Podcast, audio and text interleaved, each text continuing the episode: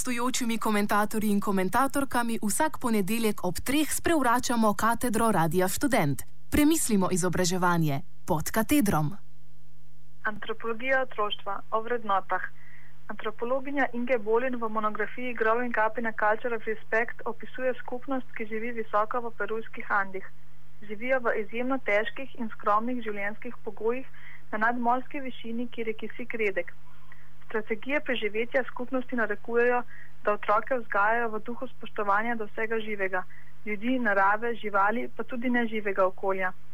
Glavne zapovedi skupnosti se glasijo ne kradi, ne laži in ne lenari. Delo, medsebojno sodelovanje ter spoštovanje predstavljajo tradicionalne vrline, brez katerih v težkih življenjskih pogojih ne bi preživeli. Tekmovalnost je povsem nezaželjena. Vendar ti otroci, ki živijo povsem mimo kapitalističnih zapovedi za uspeh, kažejo izjemno sposobnost konstruktivnega razreševanja različnih problemov. Pogosto zmagujejo na državnih tekmovanjih v matematiki. Ob zmagi se v lokalni skupnosti ne izpostavljajo, saj jih je osebnega izpostavljanja sram. Ti otroci odraščajo v okolju dobro prilagojene, odporne in ustvarjalne posameznike. Kadar se odpravijo v urbana središča, jih najbolj prizadane pomankanje spoštovanja in dostojanstva, ki tam vladata v medčloveških odnosih. Na odnos, ki ga imamo do otrok, vplivajo družbene, politične in ekonomske okoliščine. Te okoliščine vplivajo tudi na družinske preživetvene strategije. V tem, kako odrasli vzgajamo otroke, se torej zrcalijo naše vrednote ter duh časa in prostora, v katerem živimo. Pa poglejmo našo družbo. V začetku 20. stoletja je bila pretežno samozadostna. V takšnih družbah je delo pogosto najvišja vrednota, na katero se navezujejo dostojanstvo, spoštovanje, čast in sram, medsebojna pomoč in tako dalje. Borod Bruman je na primeru Murske sobote lepo prikazal, kako se je pri nas odnos do dela v tem času razlikoval glede na družbeni sloj. Med družinami nižjega srednjega socialnega sloja je bilo delo visoko vrednoteno. Za vzgojo, ki je temeljila na vključevanju v delo, naj bi otrok dobil pravilen odnos do dela in drugih vrednot. Hkrati je spoznaval družino kot gospodarsko skupnost in svoj prihodni položaj v njej.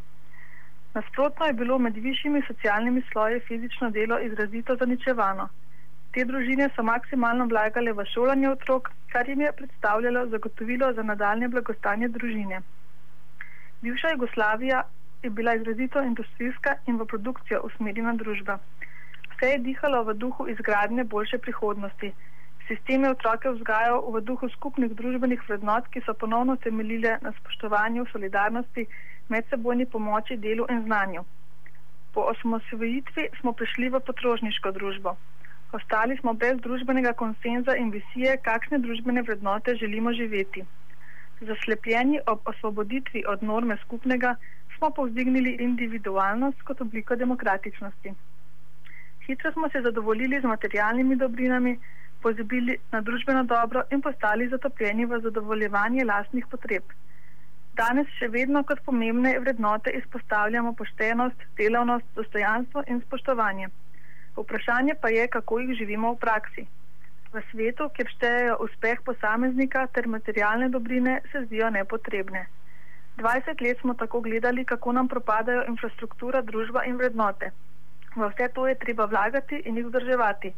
Tudi v duhu potrošnika smo zgolj konzumirali glede na svoje potrebe, vlagali v skupno dobro pa bore malo. Duh gradnje za boljši jutri je nadomestil duh, po katerem nas vsak čim bolje poskrbi zase še danes. Kot produkt posameznih obdobij se vrednote naše družbe zrcalijo tudi na otroških igriščih. V začetku 20. stoletja je bilo delo v družinskem okolju pogosto postavljeno pred igro otrok. Po upravljenih delovnih obveznostih ali kar med njimi je bil poligon za otroško igro vse posod, na dvorišču, na roševinah, na nivah, travnikih in gozdovih. Mestni otroci, ki so odraščali v 50-ih, so se svobodno potikali po okolici, se spontano zbirali v vrstniških skupinah in ob tem marsikatero ušpičili. Vse do konca 80-ih so ulice, ki pele od otroškega smeha, državnih iger in ustvarjalnih domislic otrok. Po osamosvojitvi so otroci počasi izginili z ulic, se zaprli za dvoriščna vrata ali za štiri stene. Državne igre, ki so mobilizirale gruče otrok, je zamenjalo buljanje v razne ekrane. Če danes pogledamo tivolsko otroško igrišče, Igro prežimata anonimnost in individualizem, starše pa panična frustracija, da se njihovemu otroku ne bi kaj zgodilo. Spet drugi se obnašajo, kot da je cel svet njihov. Preizkusiti morajo vse, kar vidijo, da ja ne bi česa zamudili. Le redko opazimo, da bi starši otroke spodbujali, naj navezujejo stike, sodelujejo, se igrajo skupaj, si stvari posodijo, zamenjajo ter medsebojne konflikte razrešujejo sami.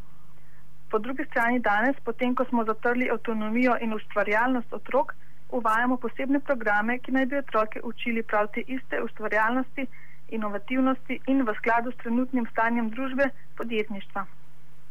Danes smo na pragu še enega družbenega prehoda. Po privatizaciji bomo iz potrošniške družbe pristopili v sužensko družbo, le kakšna bodo otroška igrišča jutri. Človek je družbeno bitje, vedno je živel v širših skupnostih in preživel tako, da je sodeloval. Sodeloval je s ljudmi, pa tudi z okoljem, v katerem je bival.